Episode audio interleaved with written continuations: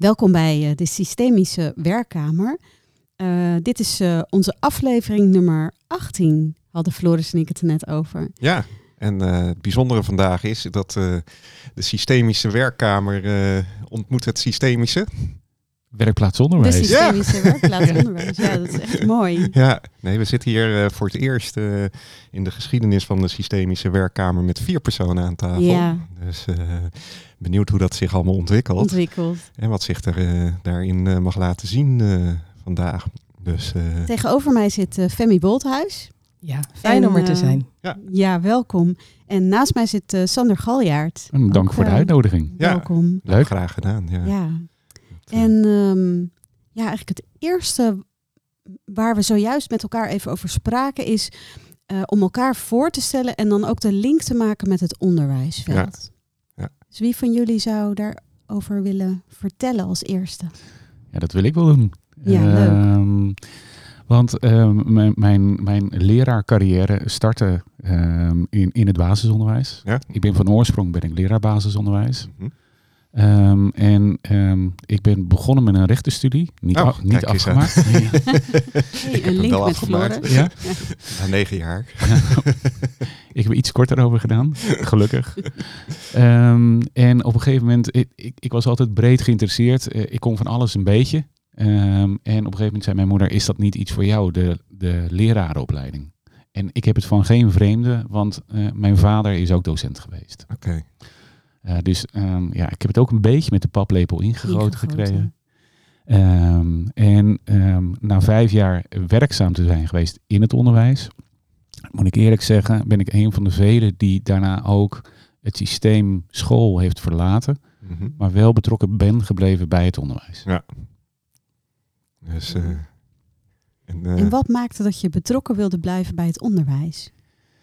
Ja, het is, het is nog steeds wel fascinerend om te kijken hoe je uiteindelijk een bijdrage mag leveren aan de ontwikkeling van kinderen. Ja. Um, van, van 0 tot 18. Ik merk het ook in mijn eigen gezin. Uh, ik vind het genieten om uh, ja. hun ontwikkeling te volgen. Om te kijken hoe je ze een stap verder kunt helpen. Hoe je met ze mee op mag lopen. Hoe je ook soms ook gewoon kennis mag overdragen. Ja, ja. Um, ja dat, dat, is, dat is ook een voorrecht om, uh, om te mogen doen. Ja. ja. Maar ook de wijsheid vanuit de kinderen zelf. Ja, de, um, ik blijf me ook verbazen met hun inzichten. Um, ja. uh, ook met, met, met mijn kinderen zelf die me af en toe spiegelen. Um, die af en toe ja. vragen stellen waar ik nog niet over nagedacht. En waardoor ik zelf weer uh, geïnspireerd raak. Ja, ja. Mooi is dat. Ja, absoluut. Dat, uh... Mooi. Leuk. Hey, en, en Femi, ja. vertel eens. Nou, het eerste wat er bij me opkomt als het gaat over onderwijs... dat is toch wel mijn ervaring als loopbaancoach aan de Universiteit van Amsterdam. Uh, daar heb ik echt duizenden studenten mogen spreken over een studiekeuze en een loopbaan. Um, en wat veel studenten me teruggaven is, jij bent een van de eerste in het onderwijs die belangstelling heeft voor mij als mens. Hmm. Um, die wil weten wat mij drijft, die wil weten hoe ik wil bijdragen aan de samenleving. En ik had het daar eigenlijk heel veel vaker over willen hebben op school en ook in de studie. En dat vond ik een hele pijnlijke als ik die te yeah. horen kreeg. En toen ik zelf moeder werd van een dochter en die naar de basisschool ging, um, heb ik gedacht, nou, ik ga eens praten met de directeur van de basisschool om te horen wat haar puzzels zijn. Ja.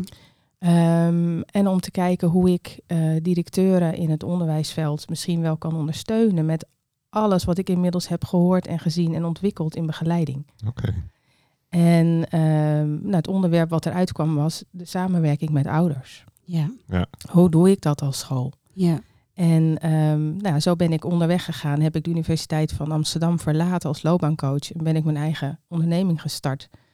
En um, zo heb ik ook Sander ontmoet. En werken we nu samen.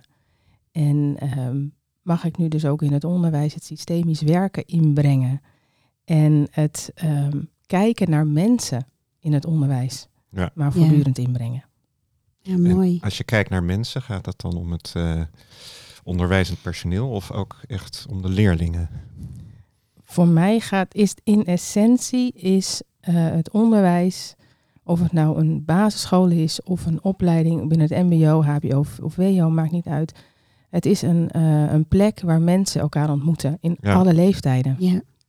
En um, wij zijn allemaal zoekende in hoe doe je dat? Mhm. Leven in deze maatschappij, überhaupt leven in deze wereld. Ja, En eh, ehm, als we daarin wat menselijker met elkaar omgaan en wat nieuwsgieriger naar elkaar zijn, volgens mij ehm, krijgen we dan als mensen waar we altijd naar op zoek zijn, namelijk dat we erkenning vinden en dat we gezien zijn. En als we dan daarin ook ontzettend kunnen spelen, omdat ik het zo gaaf vind om te vertellen over hoe de rivieren over de wereld stromen, nou daar wil ik natuurlijk meer over weten. Weet je, als het op die manier zou kunnen, Ja. zou kunnen ja, daar, daar, nou, je hoort het al aan mijn stem, ehm, daar ga ik van aan. Ja, Ja, dat gaat ja. ook stromen dan gelijk. Ja, Ja, Ja, het, precies. voelt, het voelt heel erg dat je echt vanuit verbinding van alle, ja, alle stakeholders, om maar zo'n eh, term erin te gooien. hè, dus echt verbinding met elkaar eh, wilt werken. Ja. hè, en, niet zozeer dat er een doel is, maar dat iedereen zich kan ontplooien. Ja, en dat was in mijn loopbaancoachschap natuurlijk al zo. De mens helemaal zien en de potentie zien. Ja. En dat is nu in mijn werk nog. En mensen meenemen in hoe je dat zoveel mogelijk kunt doen en die vuurtjes aan kunt wakkeren. Ja, dat is gaaf. Ja, Ja, en ik vind- Je zegt potentie en die raakt eh, bij mij dan van, ik heb, en als ik dan kijk naar mijn eigen kinderen ook, van eigenlijk mag de potentie er niet zijn. Een beetje het gevoel van, mogen wij in de huidige maatschappij wel ons volledige potentieel leven? En dat begint dan al in het onderwijs, van dat we in een bepaald, ja, bepaalde gang, eh, hok geduwd worden. En het moet ook allemaal maar afgescheiden diagnoses eroverheen. Dat, eh, Ja, dit is een onderwerp waar ik op dit moment zelf heel veel over nadenk en op aan het Oké. kouwen ben. ja, Ehm, en ook al veel over aan het lezen ben.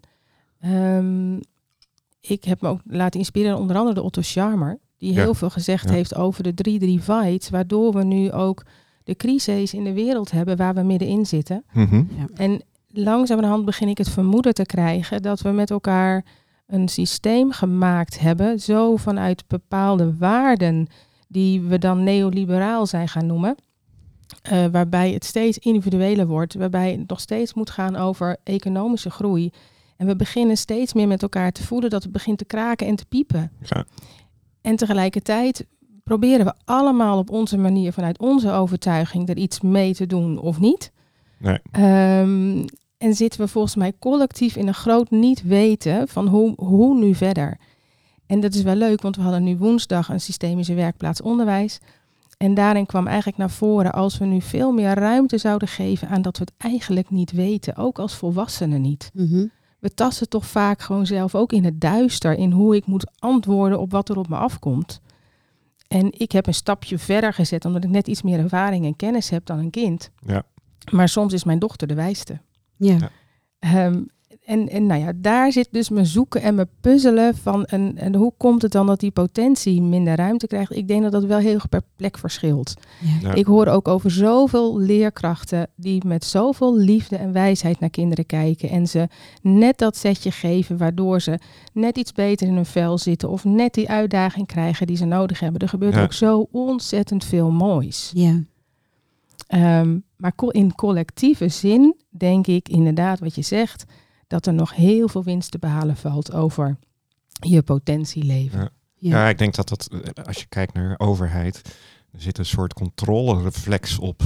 We moeten echt allemaal eh, het, gelijkheidsdenken, ja, het gelijkheidsdenken enerzijds eh, geeft minder ruimte voor de individualiteit.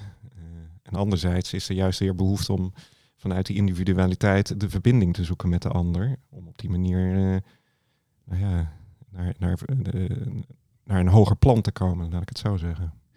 Ja, daar wil ik wel op toevoegen. Ehm, want ehm, de individualiteit, het, het gaat ook over hoe leer ik mezelf kennen in relatie tot Ja. de ander.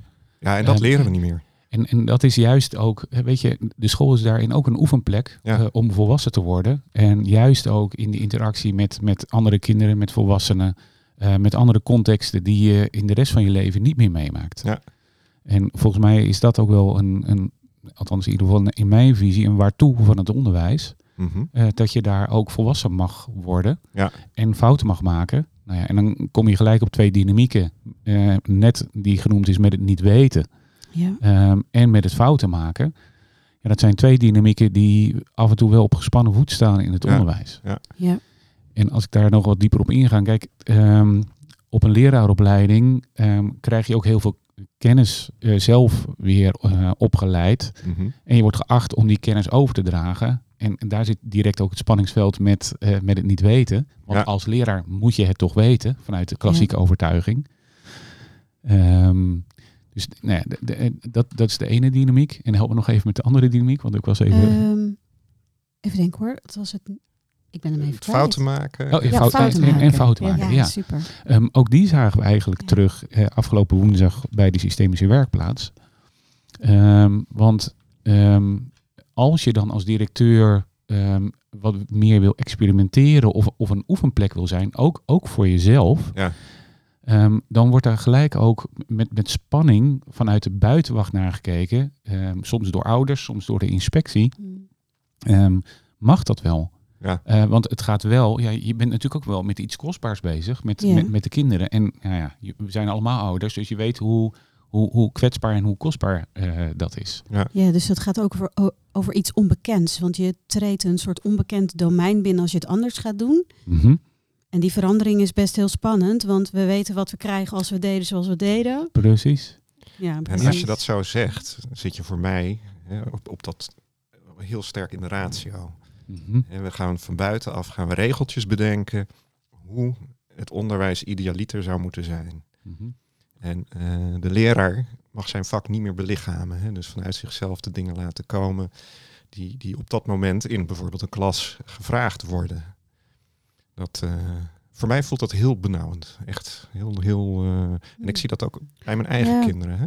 Ik zou me zo kunnen voorstellen dat die kaders die kunnen ontzettend helpend zijn als ze een soort richtlijn vormen. Ehm, maar misschien is dat in het onderwijs wel, maar dat kunnen jullie me beter vertellen dan ik. Misschien is dat in het onderwijs wel juist de leidende, het leidende stuk geworden in plaats van dat het een, een richtlijn is waar, waar, waar je omheen mag bewegen. Dus dat ook het hele administratieve stuk waar ik docenten dan wel over hoor.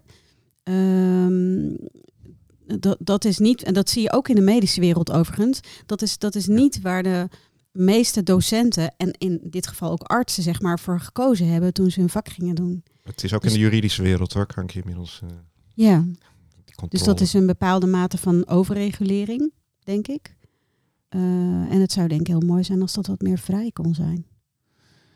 Ja, ik, ik, ik zoom even uit op, eh, op wat je inbrengt. Mhm. Ehm, en ehm, kijk, eh, onderwijs, advocatuur, eh, zorg, jeugdzorg, het, het blijft allemaal eh, een mensenwerk. Ja. Ja, Ehm, en ho- hoe ga je als, als mens om ook met de kaders die je gekregen hebt? Ehm, wa- wat ik merk bij die systemische werkplaats onderwijs in de, in de eigenlijk meer dan een decennium eh, dat we die al organiseren, is ook voortdurend de nieuwe inzichten die we daarbij eh, krijgen. Ehm, waarbij er ook eigenlijk heel veel nuance zit ehm, in, in, in eh, deze opmerkingen. Dus ehm, het systeem wordt ook gemaakt door mensen. Ja. En, Mhm. en je hebt ook eh, gelukkig heel veel mensen die, eh, die daar ook fors de ruimte in zoeken. ehm, om wel direct die verbinding te blijven zoeken Ja. eh, met die kinderen. ja, Ehm, ik vond een heel mooi inzicht van afgelopen, eh, van afgelopen woensdag. Er is een ontzettende roep voor de afschaf van het centraal eh, eindexamen. Want alle leerlingen moeten door een, Ja. een hoepeltje heen springen. ja, Een van de inzichten, ehm, en dan pak ik er even eentje uit en lees het verslag eh, later op, de, op onze site. Ehm, maar dat het centraal schriftelijk voor de leerling echt wel heel belangrijk is. Ja. Ehm, omdat dat eh, voor een deel de betekenisgeving is Mhm. Voor de leerling om de middelbare school te doorlopen. Ja, het is ook een soort vorm van directe feedback die zo'n leerling dan krijgt. Erkenning. En de erkenning die volgt als je Ja. het haalt. En dat is niet hoe ik het gezien heb in de opstelling als betekenisgeving. Ehm, het ging echt over, jij geeft zin aan dat ik überhaupt naar school ga. Ja. En eerlijk gezegd, dat herken ik ook aan mijn dochter. Ik weet Ja. niet of jullie dat bij jullie kinderen Ja, ik herkennen. ook. Ja. Ehm, maar ja, En wie is dan de jij? Jij geeft zin? de, het centraal schriftelijk examen? Ja, precies. Ik Ja. herken daar wel iets in, inderdaad, van. ehm, eh, mijn oudste zoon zat op een school waar dan geen cijfers werden gegeven. Hè? Dus van ja, goed. En dan voel je toch dat je een beetje aan het zwemmen bent. Waar doe je het voor? Ja. Dus toch inderdaad van Je een wil soort feedback beloning. krijgen. Ja, Ja. ja. Ja. En je wil is- waardering krijgen. Ja. ja, enerzijds word je, hè, loop je het risico dat je in een hoek wordt geduwd van ja, je kan het niet, want je hebt een slecht cijfer of je bent juist heel goed, hè, dus dat dat leerlingen uit elkaar trekt. Anderzijds is het inderdaad ook ja, gewoon de, beloning voor het werk waar wij wellicht eh, betaald worden, krijgt de leerling een goed cijfer. Ja, dus dat, dat, dat, ja, zo, zo voelt hij ook een beetje inderdaad. Ehm, zou ik nog even terug mogen naar Ja, wat je inbracht over de systemen? Want ik wil graag toevoegen aan wat Sander zegt. Ja. Ehm, met dat we het daarover hebben, ben ik ook heel eh, direct bij de teams met wie we mogen werken. Mhm. En ook bij het eh, werk van Wout het Hart verdraaide organisaties. We, eigenlijk in alle begeleiding komt het modelletje naar voren, bedoeling in het midden, de cirkel daaromheen de leefwereld en de cirkel daaromheen de systeemwereld. Ja. Ehm, en er is zo'n intens verlangen om voortdurend vanuit de bedoeling te willen werken. Want iedereen gaat voor het beste voor de leerlingen. Ja. Ja. Op alle lagen. Van leerkracht tot en met raad van toezicht. En ook OCW en inspectie. Het hele onderwijsveld wil het beste voor die leerlingen. En ze zien allemaal dat dat onze toekomst is. Ehm, en het is zo'n kunst om in de hectiek van de dag voortdurend aan jezelf de vraag te stellen: draag ik hierbij aan het sterker maken van deze leerling? En maak ik daarmee ook deze klas wel sterker? Het is ook wel een voortdurend gepuzzel. Wat is nu Mm. wijsheid om te doen? En het is een oefenen, oefenen, oefenen, oefenen om voortdurend jezelf de, vra- de, de vraag te stellen: doe ik hier wat bijdraagt en hoe ziet die leefwereld er dan uit? En dan kom je toch echt op gedrag. Ja. Ja. Het gedrag maakt het contact. En in het contact wordt er en geleerd op pedagogisch vlak en er wordt ook geleerd in de kennis. Want als het in de, Even, eh, heb je het Ja? dan over gedrag van de leraar of de leerling? van, van iedereen. Van Van iedereen. alle. Ja. Van iedereen. Ja. Want eh, vaak wordt er voor een professionele cultuur gekeken naar het gedrag van de leerkracht en Ja. van de directeur. Maar ik voeg altijd toe, als directeur geef je leiding aan een, aan een systeem die Mhm. bestaat uit je onderwijsprofessionals, je leerlingen en je ouders. En met elkaar maak je de gemeenschap. En met Ja. elkaar maak je de cultuur. En dat is gewoon jouw eigen gedrag. En dan raak je dus ook aan vanuit welke innerlijke houding ben ik aanwezig. Ja. Kan ik naar mezelf kijken? Eh, kan ik eh, omgaan met dat het een beetje anders loopt dan dat ik zou willen? Ehm, kan ik, ehm, ma- durf ik mezelf uit te spreken omdat dat het geheel sterker maakt? Nou, en dit is voor mij systemisch werk in het onderwijs. Hè? Ja. Ja. ja, prachtig. Nou ja, het is inderdaad. Je pakt het, je pakt het allemaal. Ja. Hè, dus eh, zoals je het nu omschrijft. En wat ik echt heel mooi vind wat je vertelt, is dat eigenlijk de intentie van iedereen echt die leerling is. Ja. Dus hè, het beste voor die leerling. En dat vind ik echt heel mooi om te horen. Ja, en ehm, ik vind het bijna, eh, wat is daar het woord voor wat bij me opkomt? Ik vind het bijna verdrietig dat er aan getwijfeld wordt dat dat niet zo is. Ja. Ja, Waar, waar, waar zou die verkramping vandaan komen? Zo voelt hij namelijk voor mij. Er zit een soort nou, kramp het- op, op, op, op leraren die vanuit hun intentie graag. Hè, want ik, ik, ja, mijn moeder was, was leraar, mijn eh, schoonzus is, eh, is lerares, eh, IB'er. En dan merk je inderdaad, ze willen allemaal heel graag. En die leerling staat op nummer één. En de ontwikkeling. En hè, ook de toekomst van ons land daarin, als het ware. Of, en toch zit daar een verkramping op die dat klein probeert te houden. Zo voelt hij voor mij. Ja, Ja, nou, als je, je, je triggert me nu, hè? nou ja, Ja, daarvoor nou, zitten we hier ook. ja. Want ik, en je voegt, voegt toe, Ja, hè, Sander, zeker. want dit, dit is zo over wat we zien in ons werk. Ja. Het, zit, het, zit een heel, het is echt een grote puzzel, Ja. waarvan ik nu een paar dingen kan oplichten op basis van wat wij inmiddels hebben gezien. Mhm. En ik nodig de luisteraars ontzettend uit om toe te gaan voegen vanuit hun ervaringen, want dat Graag, maakt het alleen maar krachtiger. Ehm, een van de dynamieken die ik regelmatig zie in het onderwijs, dat is dat ehm, mensen zo graag voor de leerlingen willen zorgen, Mhm. dat ze veel te verantwoordelijk worden voor het leven van de leerling. Oké. Dat is één van de dynamieken als ik met mensen werk. ehm, het gaat ook overnemen van ouders. Ze Mhm. gaan opeens een soort ouderrol op zich nemen. Nou, daar krijg je rare dynamieken van. Moet je Ja. niet doen, moet je niet willen. Dus dat, en daar kan ik nu nog veel meer over zeggen, ga ik niet doen. Maar dat is één van de dynamieken in het onderwijs. Die, denk ik, zorgt voor een deel van verkramping. ja. Dus je moet dan- eigenlijk de ideaalsituatie, ja, waar, waar we hopelijk naartoe bewegen, is dat ieder, dus ieder die betrokken is bij de leerling vanuit zijn eigenheid, de intentie om die leerling goede nou ja, duw of zet te geven, Mhm. opereert. En- Ja, hier gaat het eigenlijk ook over dat mensen van hun plek zijn. Hè? Ja, precies. En dus dat Die- de die rol niet helder is. Ja, Precies die. Ja. Ja, ehm, en ik ken hem zelf ook wel een beetje, dat ik eh, makkelijk Ja. eh, gaten ga lopen opvullen. Eh, Ja. Die, die, dynamiek zien we eh eh, laatste tijd vaker. Ja, Ehm, en dat is precies de dynamiek die ook Femi beschrijft. Ja. Ehm, dus op het moment dat de, de, de leraar denkt dat de ouder ehm, niet voldoende voor het kind zorgt, zit er ook al een oordeel op van, eh, Ja. van de leraar.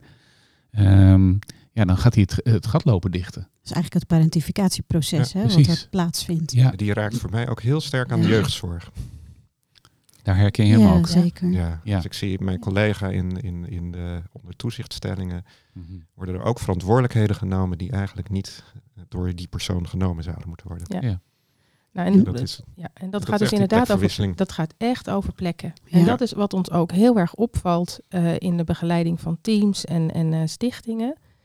Ehm, eigenlijk een van de eerste dingen die we doen is gaan ontrafelen ja. en helderheid krijgen om vanuit, we leggen het dan ook in de ruimte neer met een team. Hè. We leggen de bedoeling in het midden neer.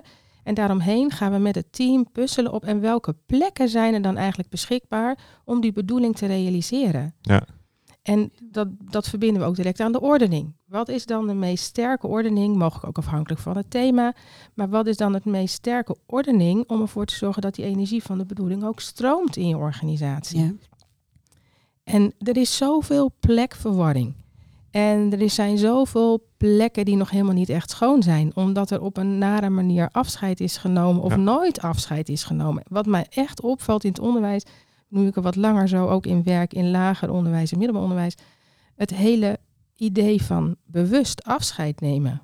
Er zijn veel organisaties, hè? Dat denk Ja, ik. dat Alleen dat, eh, en ik loop in het Ja. onderwijs rond, dus daar Ja. wil ik dan Ja. iets over zeggen. Ja.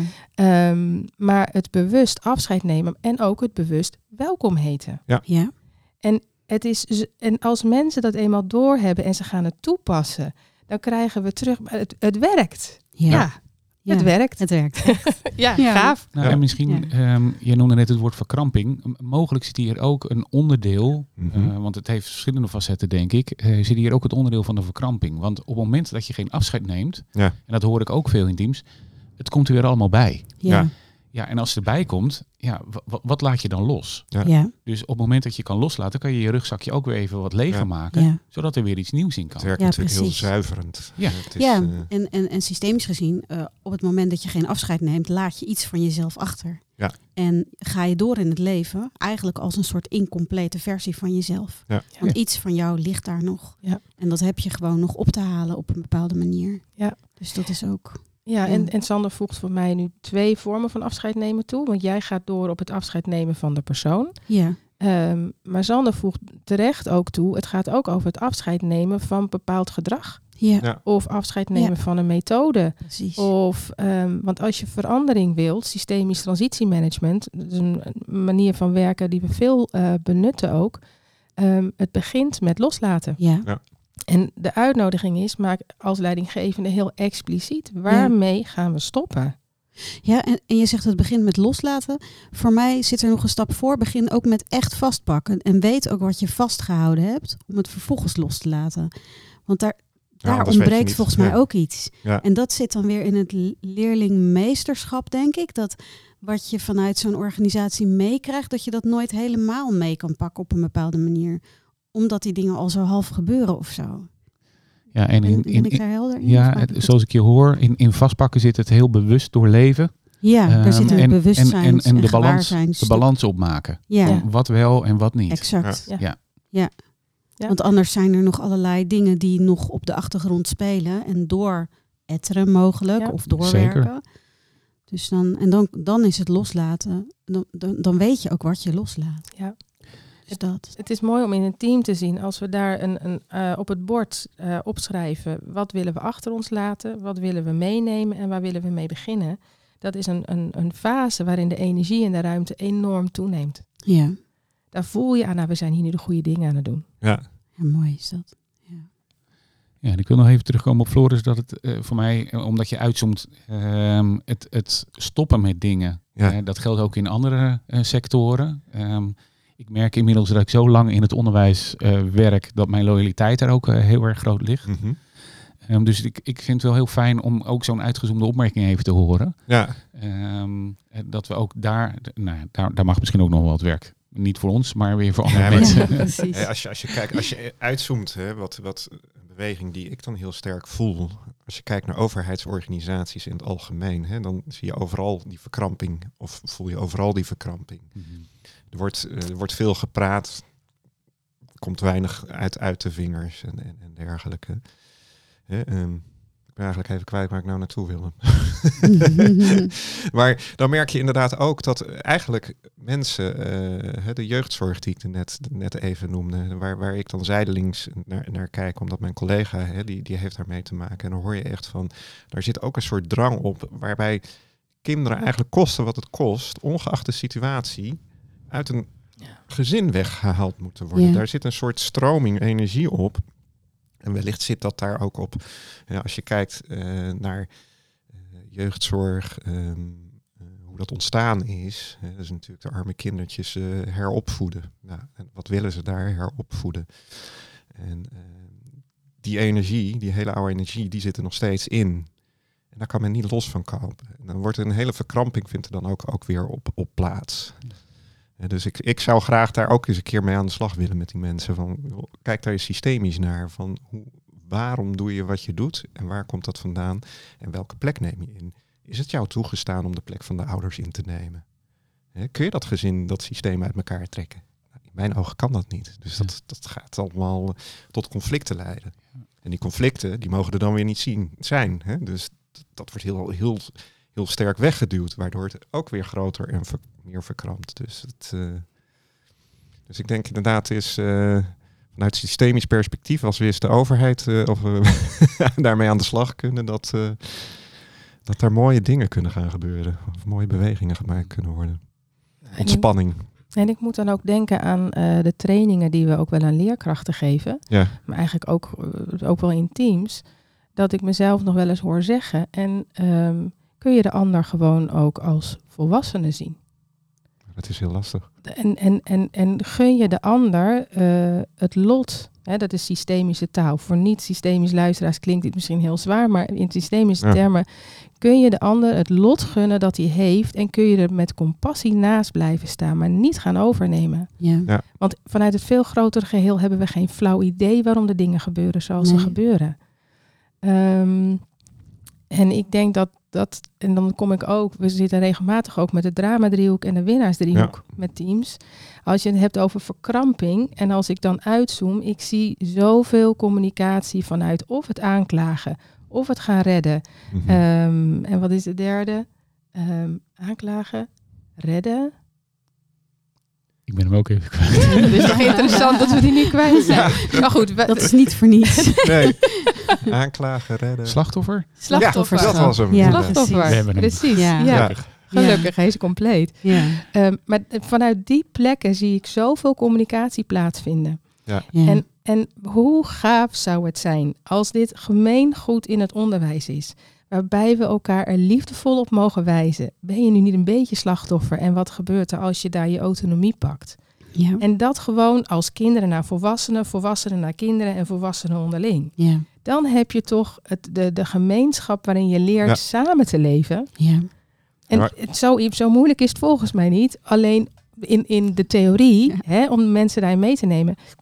Maar het vraagt ook wel je eigen bewustzijn ontwikkelen.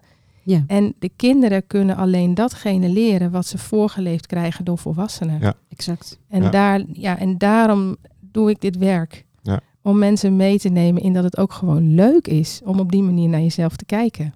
Ik vind wel mooi, eh, bij het woord autonomie zag ik ineens eh, in een flits alles op zijn plek vallen.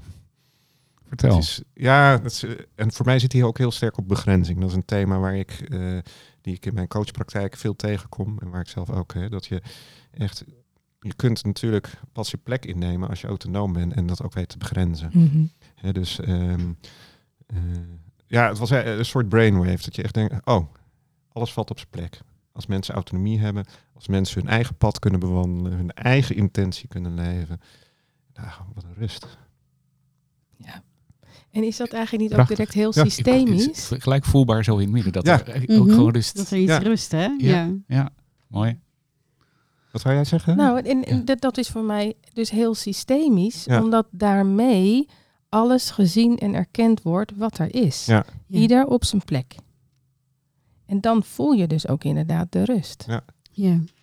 En dan moet ik ook denken aan dat we bezig zijn met een training Wegwijs in Gedrag voor leerkrachten, waarbij we ze meenemen in hoe je meervoudig perspectief in kunt nemen. Daar heeft systemisch werk ook heel duidelijk een plek in. Mhm. waarbij we ze uitnodigen om een casus met een leerling eh, in de ruimte neer te leggen. En ook op de plek van een ouder te gaan staan. En oh, wat wonderlijk, opeens voelen we daar van alles. Ja. Ja. En mensen die kunnen daar soms echt ook vol schieten. En dat ze zich door die ervaring realiseren. Maar ik heb me anders op te stellen en ik heb heel andere vragen Mhm. te stellen aan deze ouder. En om dan aan het eind van een training terug te horen dat het de relatie ook inderdaad vele malen beter is Ja. geworden. Omdat we de autonomie van de ouder erkennen, mijn eigen autonomie erkennen. En we ook een nieuwsgierigheid krijgen naar en wat is het nou waar we naar kijken? Ja. Ja. Dat is voor mij ook systemisch werk. Een voortdurende nieuwsgierigheid naar wat neem ik waar. Ja, precies. Want, want dan heeft ook die verborgen claim of het verborgen contract wat er zit vanuit je eigen geschiedenis, heeft gewoon geen plek meer. Nee. Omdat je dan veel meer kan focussen op wat is er nou eigenlijk echt tussen jou en mij. Dus dat stuk is er dan uit. Dus Ja, is- of, of het is er wel, alleen je brengt het bewust in en neemt de verantwoordelijkheid Exact. voor. Omdat je Ja. voelt, hé, maar nu word ik getriggerd Ja. op Ja, iets wat hier klopt. niet over gaat. Ja, Ja. Dat is volwassenheid. ja, precies. Ja, want het hoeft er niet, ja. niet meer te zijn. Absoluut waar. Ja. Ja. Mooi.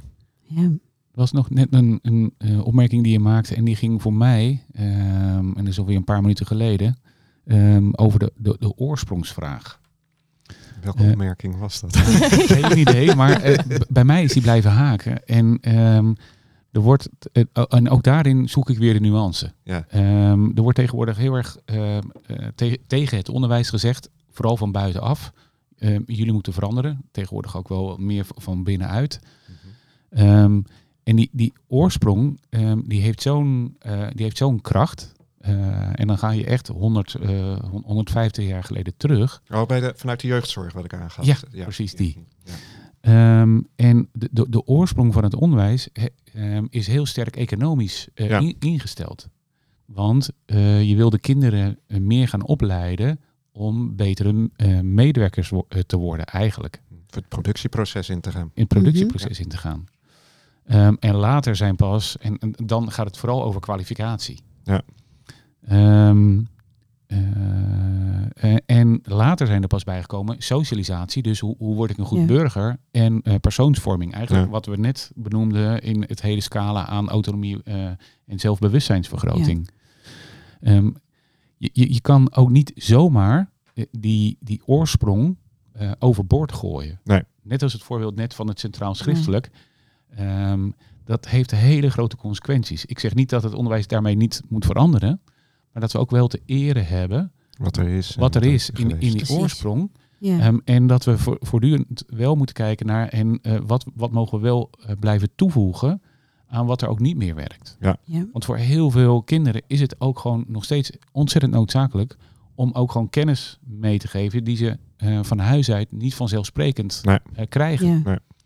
Ehm, Dus ook dat blijft wel een, een belangrijke waartoe eh, van het onderwijs. Ja. En Ja. daarmee de oorsprong erend. Ja, Ja. Nou, dat is mooi dat je dat zegt, want ik denk dat, dat daar heel vaak ook dat het daar vaak aan schort. Dat, dat we ons hoofd te buigen hebben voor wat er ook geweest is of zo. Ja. Hè? Dat we daar ook echt wel, nou ja, eren wat er te eren valt. En eigenlijk is dat alles Ja. wat er voor ons ligt. Ja. Ja. Ik heb het heel vaak over van leerplicht, leerplicht bewegen naar ontwikkelrecht. Ehm, en, en daar zit eigenlijk ook wel een soort van een, een, een bewustzijnsslag in wat mij betreft. Dus leerplicht is heel dienend geweest. En ontwikkelrecht is denk ik heel passend in, met het oog op de toekomst. Van mogen leren en dat ook weer leuker mogen maken. En ik realiseer me overigens ook wel dat het weer te maken heeft met mijn eigen relatie met onderwijs. waarin ik dus die plicht heel erg heb gevoeld. Hmm. En ehm, ik weet nog dat ik een heel romantisch beeld had over hoe studeren zou gaan. En ehm, ja, tot mijn grote verbazing en teleurstelling was dat het ja, eigenlijk het, gewoon het logische vervolg van het VWO. Ehm, wat, wat ik overigens ook niet zeer succesvol eh, heb afgerond. want ik ben eruit gestapt. Ja. En ja, dus ik had kennelijk had ik een soort heel romantisch beeld over hoe studeren dan zou moeten. Mhm. En hoe dat eruit zag. En dat er heel veel vrijheid en autonomie in zat. En het viel me zo tegen dat alles zo bepaald werd voor mij hoe dat dan moest. Dus nou ja, goed. Dus, dus daar zat mijn, mijn behoefte aan ontwikkelrecht. In de zin Ja. van "Maar waar mag ik mijn eigen curriculum niet schrijven? En kan dat niet getoetst worden wat ik dan aan het doen ben? En kan ik daar niet in geholpen worden of ondersteund worden? Dus ja, dat was studeren helemaal niet. Althans, niet zoals ik dat tegenkwam. Ik denk dat dat, alleen maar erger is geworden sinds eh, nou ja, 30 jaar geleden ben ik met mijn studie eh, begonnen. Of wat is het, bijna 35 jaar geleden. Ja, En dat het, eh, als ik hoor in de academische wereld, dat meningen gecanceld worden. Of in ieder geval, ja, in Ja. hoeverre heb je dan het recht om je eigen oordeelsvorming, je eigen proces daarin. Nou ja, ik, ik had zelf dus een heel, heel raar, raar eh, pad eigenlijk qua, qua onderwijs. Ehm, dus eerder gestopt met het VWO. Ehm, ik had op mijn veertien had ik een vaste vriend, die was eh, vijf jaar ouder. Zou ook niet meer kunnen tegenwoordig, geloof ik. Eh, dus ik zat op mijn veertiende, vijftiende, spijbelde ik van school. En dan zat ik in de collegezaal in, op het Erasmus hier in Rotterdam. En, ehm, en voor mij was dat toen natuurlijk heel erg vrij. Want ik deed dingen Ja. die ik niet hoorde te doen. Eh, maar die mocht ik dan toch doen. Ik heb zelfs tentamens ook eh, gemaakt eh, in die tijd. Ehm, bij een studie waar ik helemaal niet eens bij heb. Maar dat was meer voor de grap dat ik dat dan mocht doen. Nou, dat zou nu allemaal helemaal niet meer kunnen. Dus je moet je paspoort laten zien. Dus dat, ja, dat was wel heel grappig. Ja, en toen ik dan eindelijk zelf mocht gaan studeren, toen viel het dus heel erg tegen. Ja. Dus dat, dat is een beetje mijn relatie met onderwijs. En, ehm, en met onze kinderen hebben wij heel, een heel pad bewandeld in, in dat hele hoogbegaafde stuk. Ja. Dat ze daar ook een eigen weg niet zo goed konden vinden. Ja, maar ze mogen daar hun eigen weg, of in ieder geval zo voelt het voor mij. En dat is ook wat, wat jij zegt, hè, mijn eigen frustratie geweest van eh, ontwikkelrecht. Ja, mijn interesses lagen nou niet direct op de, op de vakken die ik op school kreeg. En, en, en hoe dat daar dan uitgelegd werd. En heel beperkend. En als ik naar mijn studie kijk, heb ik dat eigenlijk, eh, ik heb, nou ja, ik ben negen jaar student geweest. Daarvan heb ik denk ik drie jaar gestudeerd, hooguit. Ja, op een gegeven moment dacht ik van ja, het moet maar eens afgelopen zijn, word je ouder en dan wil je Ja. doorontwikkelen. Maar ehm, dus ik heb die ruimte wel genomen, ook mede dankzij mijn ouders en dergelijke, van dat ik mij op allerlei vlakken muzikaal, ik ben pizzabakker geweest in Italië, eh, allerlei dingen gedaan die eh, voor mensen denken, oh, nou, had ik ook wel willen doen. Ja, want ik zit hier on- in ondertussen een beetje ongemakkelijk te worden. Oh. Ja, vertel. Ja. Ja. Nou, ik, ik merk dat ik me begin ehm, eh, mee te voelen met de jongeren die eh, in een sociaal-economische situatie zitten. Ja. Waarbij het gewoon ook heel normaal is om naar school te gaan en een opleiding te doen. Om vervolgens ook gewoon door te gaan in het werk wat je vader ook deed. Om, Ja. ehm, eh, en eigenlijk zou ik aan hen willen vragen, hoe zie jij het onderwijs? Ja. Eh, Ja. Voel jij je ook zo beknot? Eh, of is het voor jou de plek van ruimte? ja. Ehm, dus ik, ik wil graag ook een heel ander perspectief toevoegen aan dit gesprek. Nou, graag. Zeker. Ehm, en ik heb de antwoorden niet, want ik ben net als jullie hoog opgeleid met ouders met geld, waardoor ik ook zes jaar heb kunnen studeren, want er was Ja. nog studiefinanciering. En ik heb daar heel veel van de wereld ook mogen zien. Ehm, maar ik wil ook aandacht vragen voor die kinderen die in zo'n andere context groot worden, waarbij de school juist de plek is waar ze veiligheid vinden, waar ze gezien worden ehm, en waar ze een stap verder kunnen Ja. komen. Nou, ik wil daar Ja. wel iets aan toevoegen, want ik, eh, ik ben een geadopteerde. En daar eh, rusten in het verleden heel veel eh, vooroordelen op. Want eh, geadopteerden waren probleemkinderen en die konden niet leren. Dat ik op mijn derde al kon lezen, dat geloofden ze op school niet. Dat was gewoon absoluut niet Nee. normaal. En op het VWO zeiden ze, ze kan beter MAVO gaan doen, want ze studeert al zo hard. Nou, ik deed echt helemaal geen fluit, kan ik je vertellen. Dus, dus, dus vanuit dat perspectief werd ik wel behandeld als een kind wat geen kansen had. Ehm, en dat heb ik ook echt zo gevoeld. Ja. Eh, en dat was niet omdat dat het beste was voor mij. Dus dat perspectief, zeg maar van. Hè, en, en mijn ouders, die, eh, die, die, die zaten denk ik wel op een model inkomen. Dus wij, wij, wij zaten niet in, het, eh, in de onderkant vinkjes, van de eh, samenleving. Ehm, maar ook echt niet. ehm, er was ook echt geen geld voor grote reizen, grote vakanties. Dat, dat was er ook allemaal niet. Dus in dat opzicht, ja, denk ik dat ik daarin ook wel weer een andere rol vertegenwoordig dan bijvoorbeeld Floris, die ja, daar ook wel weer andere kansen in kreeg. Ja, Ja. dus, nou ja, wat. Ik- Ja. Van huis uit werd alles mogelijk gemaakt. Ja, precies. Ja, Ja. herkenbaar. Wil je sporten, ga je sporten. Ja. Wil je Ja. zeilen, ga je zeilen. Weet Ja. je, dat, eh, dat soort dingen. En, en je, Dus brengt, je, je, je brengt voor mij wel iets belangrijks in met je verhaal, Ja. waar voor mij een crux zit. Ehm, wees je bewust van je aannames over de mens die je tegenover je hebt. Ja, Want als er anders naar jou was gekeken en je niet zo'n etiket had gehad, dan had je ook een andere loopbaan op school gehad. vermoedelijk. En, Ja. en dat geldt voor jou, dat geldt voor mij en dat geldt voor eigenlijk alle kinderen in het onderwijs. Ja, En je hebt hele goeie die echt de, de kinderen kunnen zien. Ja. Eh, en je hebt ook die dat heel graag willen, maar overlopen met alle problematiek die er ook in hun klas komt. Absoluut. Omdat er in de maatschappij zoveel problematiek is die daarmee ook in de klas komt. En soms denk ik wel eens ehm, van twee kanten langs. Het onderwijs gun ik dat ze veel meer samenwerken met partijen in het veld die hen daarin kunnen ondersteunen en kunnen ontlasten. En het niet alleen hoeven doen. En het niet Ja. alleen hoeven Exact. doen. Ja. En tegelijkertijd gun ik het, het onderwijs, de scholen, de mensen die daar werken, dat er veel meer erkenning is voor de complexiteit waarin zij op dit moment Ja. moeten leven. Want het is een soort.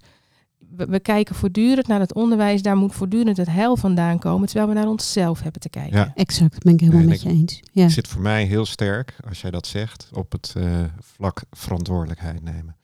Zowel als leerling eigenlijk, hè, dat je je leerlingen meegeeft van joh, je zult het zelf moeten doen. Wij helpen je te ontplooien. Hè, leerling zijn plek geven, verantwoordelijkheid. De leraar, om te voorkomen dat je uitkomt op de vooroordelen. Hè, eh, dat van ja, nou, het kindje ziet er anders uit of eh, het is niet het, eh, de, de Hollandse kaaskop, dus dat zal eh, fout aflopen. Hè? Eh, dat die daar overheen kan stappen en het ziet als een leerling van die die kan laten groeien. Ja. En, eh, ja.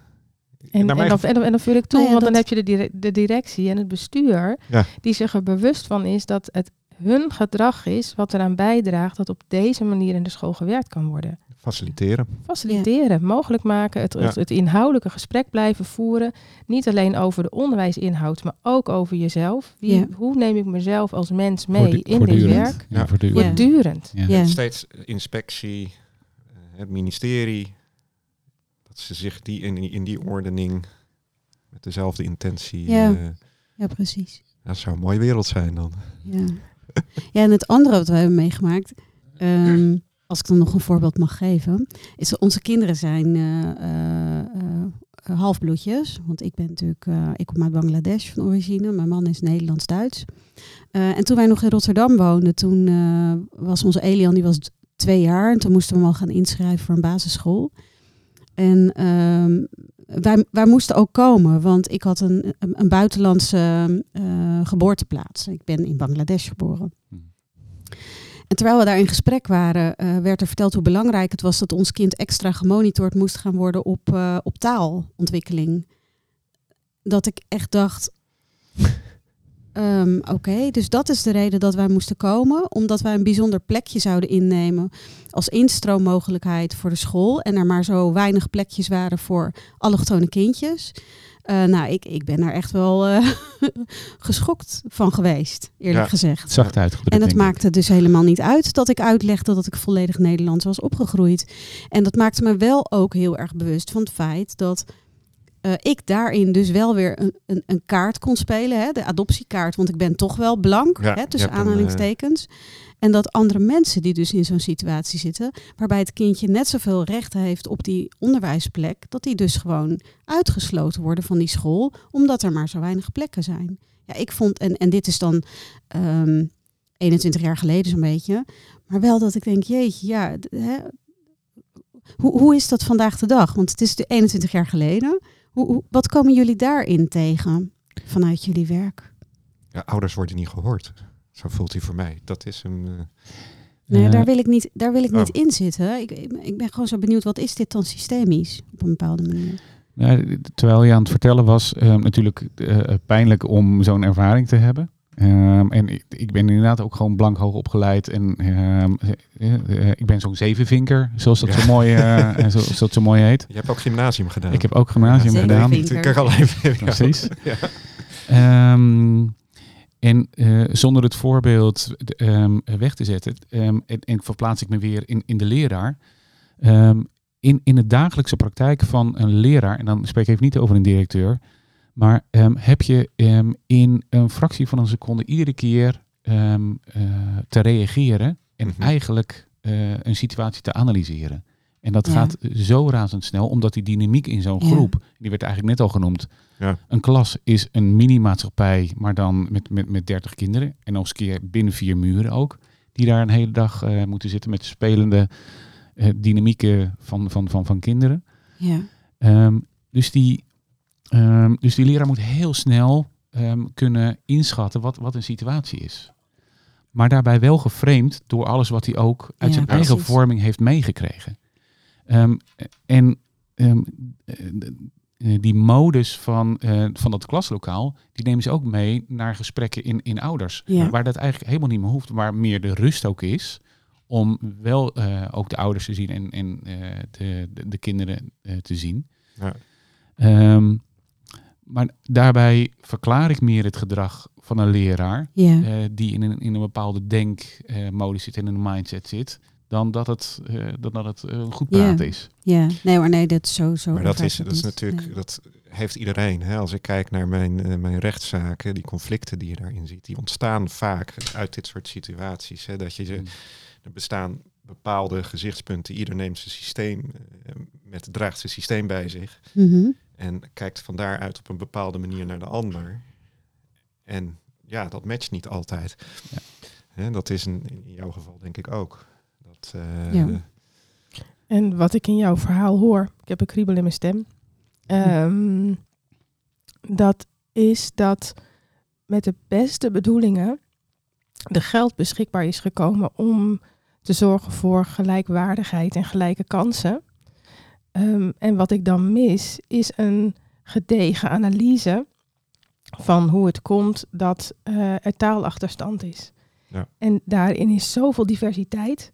En dat zou ik ook nog wel eens veel meer systemisch willen onderzoeken. Ja, Misschien dat op hele andere plekken de hefboom hebben om ervoor te zorgen dat kinderen mee kunnen gaan doen. Want dat is de intentie. ja, En ehm, ik zag het op LinkedIn ook weer voorbij komen dat eh, minister Wiersma is nu van plan om ook veel geld te pompen in taalontwikkeling. En ik zie het veld alweer helemaal reageren. Niet nog zoveel geld te nemen voor taalontwikkeling. Op andere plekken ligt nu de kans om kinderen mee te krijgen. Ja. ja, Waar is hier nu de analyse? ja, En ik geloof dat ik daar door jouw voorbeeld eh, wel aandacht voor wil vragen. Ehm, je, je verandert, je komt pas tot oplossingen als je vanuit een andere manier gaat kijken, op Ja. een andere laag het gaat Ja. insteken. En eh, ik denk dat we daar met systemisch werken nog zo'n groot stuk kunnen het toevoegen voor het onderwijs. En dat Ja. is vooral waar je in het begin eigenlijk al over sprak, dat met lege handen staan noem ik het dan altijd. En beginnen vanuit een, een, een niet weten. Ja, en Ja. een En- nieuwsgierigheid ook. Ja, kijk elkaar, die nou zijn aan elkaar gekoppeld. Ja. ja. Ja. Absoluut. Ja. Ja, Ja. Het durven erkennen dat je het inderdaad niet weet. exact. Ja, En vanuit het niet weten laten ontstaan. ja, Hè, dat is, hoe heet het, als je, als je gewoon hoe heet het, achterover leunt en het laat gebeuren, moet je kijken hoe, hoe mooi de dingen dan worden. Zeker. Kun je er ook van genieten namelijk. Want dan, En, en Ja. het vraagt ook wel moed van de mensen. ja, absoluut. Ja. Zeker. Ja. ja, Ja. eh, controle loslaten. Mhm. Nou ja, en, en ook al de moed om te vertragen. Ja. Ehm, want er is, waar we het over hadden, er is zoveel druk op het onderwijs, er moet zoveel gepresteerd worden, ehm, dat het ook een oefenen is met vertragen en eh, vertrouwen krijgen in dat als je vertraagt, dat je uiteindelijk ontzettend versnelt. Ja, En dat is ook wat we in ons werk merken. ja, Ja. Mag ik daarop inhaken? Want ik, plaats dat dan weer in maatschappijbreed. Hè? Als je Mhm. kijkt, we zijn allemaal knettergek geworden. eh, als, als, eh, als hoe heet het, eh, de hamsters die in die radertjes alleen maar harder proberen te rennen. Ehm, hoe zou je, ja, hoe zou je dat maatschappijbreed kunnen? Zou je, zou je dan eigenlijk de beweging vanuit de maatschappij naar het onderwijs? Of vanuit het onderwijs naar de maatschappij? Waar, waar zit de bron daarin? Ja. Ja, zijn, of, of moeten we überhaupt gewoon door blijven Ik, rennen? ik, ik, ik zou dat onderscheid geloof ik niet maken. Ik, zou, ik voeg nog een ander element toe, Ja, hè, systemisch graag. gesproken. dat is de politics. Ehm, ik, eh, ja, die voeg jij toe. Politics? ja, komt zo. Ja. Ehm, het gaat niet om het systeemonderwijs of het systeemmaatschappij. Wij zijn de mensen die het maken. Ja.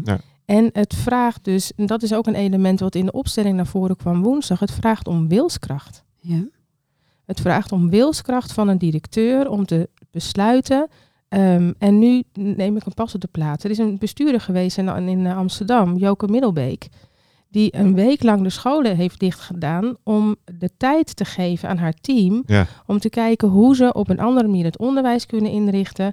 Zodat ze datgene doen wat ze echt moeten doen om de kwaliteit te vergroten in de scholen. Ehm, dus het vraagt ook gewoon om moed. En nou, de, de media stonden klaar, de, de politiek vond er van alles van. Dus je moet zo stevig in je eigen schoenen staan. Ja. En zo je blik gericht houden, stel ik me dan zo voor, op datgene wat je beoogt. Je moet ook zo durven alleen te staan. Zit, zit ze nog op haar plek? Eh, Ze, is een, na een aantal jaar, ze is nu eh, met pensioen, Oké. dus zij zit er niet meer. Maar ze kan er vast heel veel leuks over vertellen. Want daar is ehm, in, Papendrecht had je de Viermaster. Dat is ook een school waar. eh, en daar had de directeur van besloten. ehm, ik open de post van de, van de inspectie, geloof ik, in ieder geval het verhaal gaat. Eh, gewoon niet meer. Ik ga onderwijs geven. Ik doe het op mijn manier. Hè, en, ehm, volgens mij is hij wel uiteindelijk daar weg nu. Hm. Het is toch een beetje door het systeem eruit geduwd. Zo voelt hij voor mij. Ja. Maar het is inderdaad, want toen jij dat zei, gebeurde er iets met mij. Ehm, ik, merkte, ik merkte echt een ontzettende druk op mijn maag. Toen ik het had over wilskracht of Ja. over vertragen. Wilskracht. Wilskracht, Wilskracht, vertragen. ik had het ook. Ja. Mm. Is die. eh, weet niet, het, het voelde voor mij zo van ja. Daar, daar zit echt een, een weerstand op. Om, om inderdaad te vertragen. Ja, Dus echt de hele Ja. maatschappij eh, die. eh, En, en, dat is gelijk met dat rad wat je, waar je Ja. het over had, Ja. hè? dat hamsterrad. En tegelijkertijd is er zo'n verlangen. Ja. Eh, wij krijgen zo vaak Ja. terug in onze werkzaamheden. Ehm, wa- wat fijn, is, ze noemen dan een, een dag met ons eh, een, een pleisterplaats. En dan gaat het Ja. niet om over ons, maar wat we samen kunnen creëren. Ehm, en een pleisterplaats, dat is kenmerk dat je even je, je paard mag laten drinken. Ja. eh, zelf even in een herberg mag zitten. eh, even op adem mag komen. Ja. En, en daar is zoveel behoefte aan. ja, Ja. en daar voel ik dan heel veel verdriet op weer. Dat ik denk, oh wat erg eigenlijk dat we onze belangrijkste ehm, eh, s- sleutelfiguren, noem ik het maar even, daarmee zo hebben vastgedraaid Ja. in feite. En ik vermoed dat het niet alleen in het onderwijs hier Nee, is, ook Nee, weer in je zorg en in alle dat, andere, Dat geldt Ja. waarschijnlijk op alle andere Ja. plekken ook. de, de, Ja. de, de frontliniewerkers. Ja. Ja.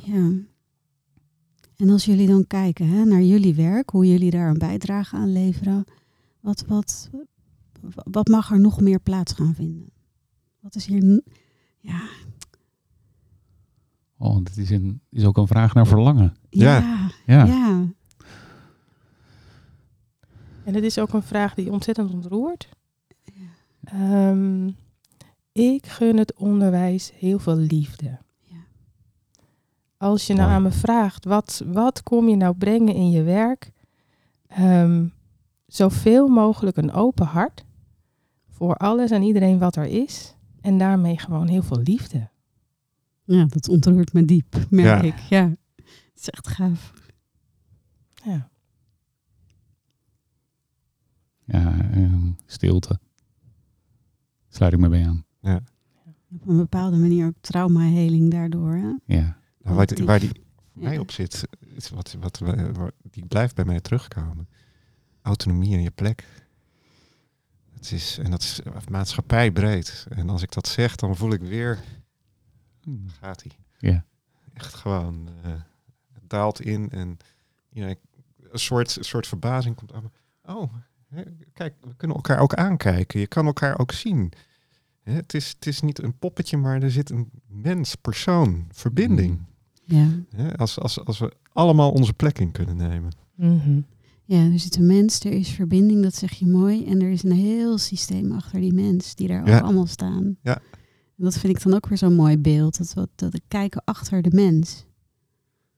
Ja, En Wiebe zegt dat altijd heel mooi. Hè? Dat is, ehm, een mensenkind komt voort uit velden van relaties. En dat is natuurlijk taalkundig prachtig om dat zo te zeggen. En, tenminste vind ik. ja als je het kunt En- doorvoelen ook. Ja, en dan, dan voel ik die werelden ook zo. Dan denk ik, oh ja, ja knooppunten van velden van relaties. Ik vind dat eigenlijk wel mooi ook voor, voor het onderwijs, deze, Ja. deze Ja. uitspraak. ja, en hoe complex is het onderwijs met al die mensen die allemaal uit zo'n zo'n familiestuk, uit Ja. zo'n familiegeweten komen. En ja, met alles wat er gespeeld heeft. En dat komt Ja. allemaal samen ook weer in die ene klas. Ja. En dan heb je als die ene leraar, en ehm, nou ja, Femi zei ook net, wij doen niet voor niks ehm, eh, het werk in, in tweetallen. Ja, Eh, dan kom ik op een hele praktische, wat ik het onderwijs gun. Eh, twee leraren samen voor de klas. Ja. ja, En in Scandinavische landen eh, wordt dat eigenlijk al gedaan. Ehm, zo, zodat je ehm, samen kan kijken en op de werkplek ook kan overleggen. ja, Ehm, en even, oh, je wordt nu getriggerd. Ik neem het even over. En Ja. we, we kunnen het daarna Ja. even met z'n tweeën over hebben. ja, mooi. Dan sta je er ook niet alleen voor. En in dat Scandinavisch onderwijs, als er dan twee mensen voor de klas staan, kiezen ze dan ook nog voor het mannelijke en het vrouwelijke aspect. Weet je dat? Dat weet ik niet. Nee, ben ik zo zover ben ik niet. Want ik kan me voorstellen, we hebben gisteren dus Ja. met Hilbrand Ja. eh, Westra een podcast opgenomen over, de, over het mannelijke en het vrouwelijke principe. Mhm. En dat is ook iets wat ik onze maatschappij zo gun. Dat we dat weer in een, in een bepaalde ehm, balans weten te krijgen met elkaar. Of dat we dat weer, dat we elkaar weer gaan eren daarin ook. Hè? Ja. En, ehm, Voor beide plaats is. En, en ja, allebei er mag zijn. ja en, en dat we gelijkwaardig aan elkaar zijn, Ja. maar niet gelijk hoeven zijn. Dus dat, dat, ja, dat vind ik zelf heel mooi. En ik kan me voorstellen dat het ook in het onderwijs Ja. zoveel ja, meer gelijkheid zou kunnen brengen als de jongetjes in de klas ook weer een meester hebben om mee te dollen. Of een leraar. Ja, je- mogen voetballen op het schoolplein. ja, weet je, je opent nu een heel groot ander systeem. Andere keer. Andere keer, voor een nieuwe podcast. Ja, en dan zijn we eigenlijk bij een heel mooi einde gekomen. Ja. Want het is inderdaad een heel mooi, prachtig ander onderwerp, eh, ook systemisch gezien. Wellicht voor een Eh, volgende keer. En wellicht voor een Misschien. volgende Ja? keer. Ja. Dus eh, ik wil jullie echt heel hartelijk bedanken eh, voor jullie komst. Ik heb er erg van genoten. Ik hoop dat dat voor jullie eh, ook zo is geweest. Ja. En voor de luisteraars die eh, tot zover hebben meegeluisterd, heel hartelijk dank voor jullie eh, ja, oprechte interesse voor hoe, eh, hoe de dingen hier aan tafel eh, zo ter tafel zijn gekomen. Wat ehm, gezien en gehoord eh, en uitgesproken mocht zijn. Ja. En, ehm, en we horen heel graag van jullie ehm, ja, wat jullie ervan gevonden hebben. En nog even aan jullie als, als luisteraars. eh, jullie willen benaderen. Waar kunnen ze dat eh, doen? Even opzoeken op LinkedIn. Gewoon LinkedIn. Ja. Nou Dat is geldt meest voor ons ook. eh, Ja, precies. ja, Precies. de grote kaartenbak. Ja, ook. eh, ik vond het ook echt een super podcast. En, en een onderwerp wat me aan het hart ging. En ik, eh, ik heb ook echt genoten van, eh, om deze te maken. Dus eh, ook eh, van mij, dank voor jullie komst. Nou, en ik wil wel ook jullie heel erg bedanken voor het maken van deze ruimte om zo dit gesprek met elkaar te hebben. Ja. Ehm, ik merk dat ik het heel, heel fijn vind om zo mijn ervaringen te kunnen delen. En eh, ik hoop dat ik de mensen mee heb kunnen inspireren. Ja, Ja, nou, dat denk ik zeker. Ja, sluit ik me helemaal bij aan. Dank voor de uitnodiging. En ik vind het heel mooi om te zien ook dat we aan een ronde tafel zitten. Dat zien Ja. de luisteraars niet, maar Ja. dat voelt Ja. ook heel gelijkwaardig Ja. zo. heel bewust. Ja. Die wilde ik heel graag hebben. Ja, Ja, dank je. leuk dat je het opmerkt. Super. Leuk. Dank je.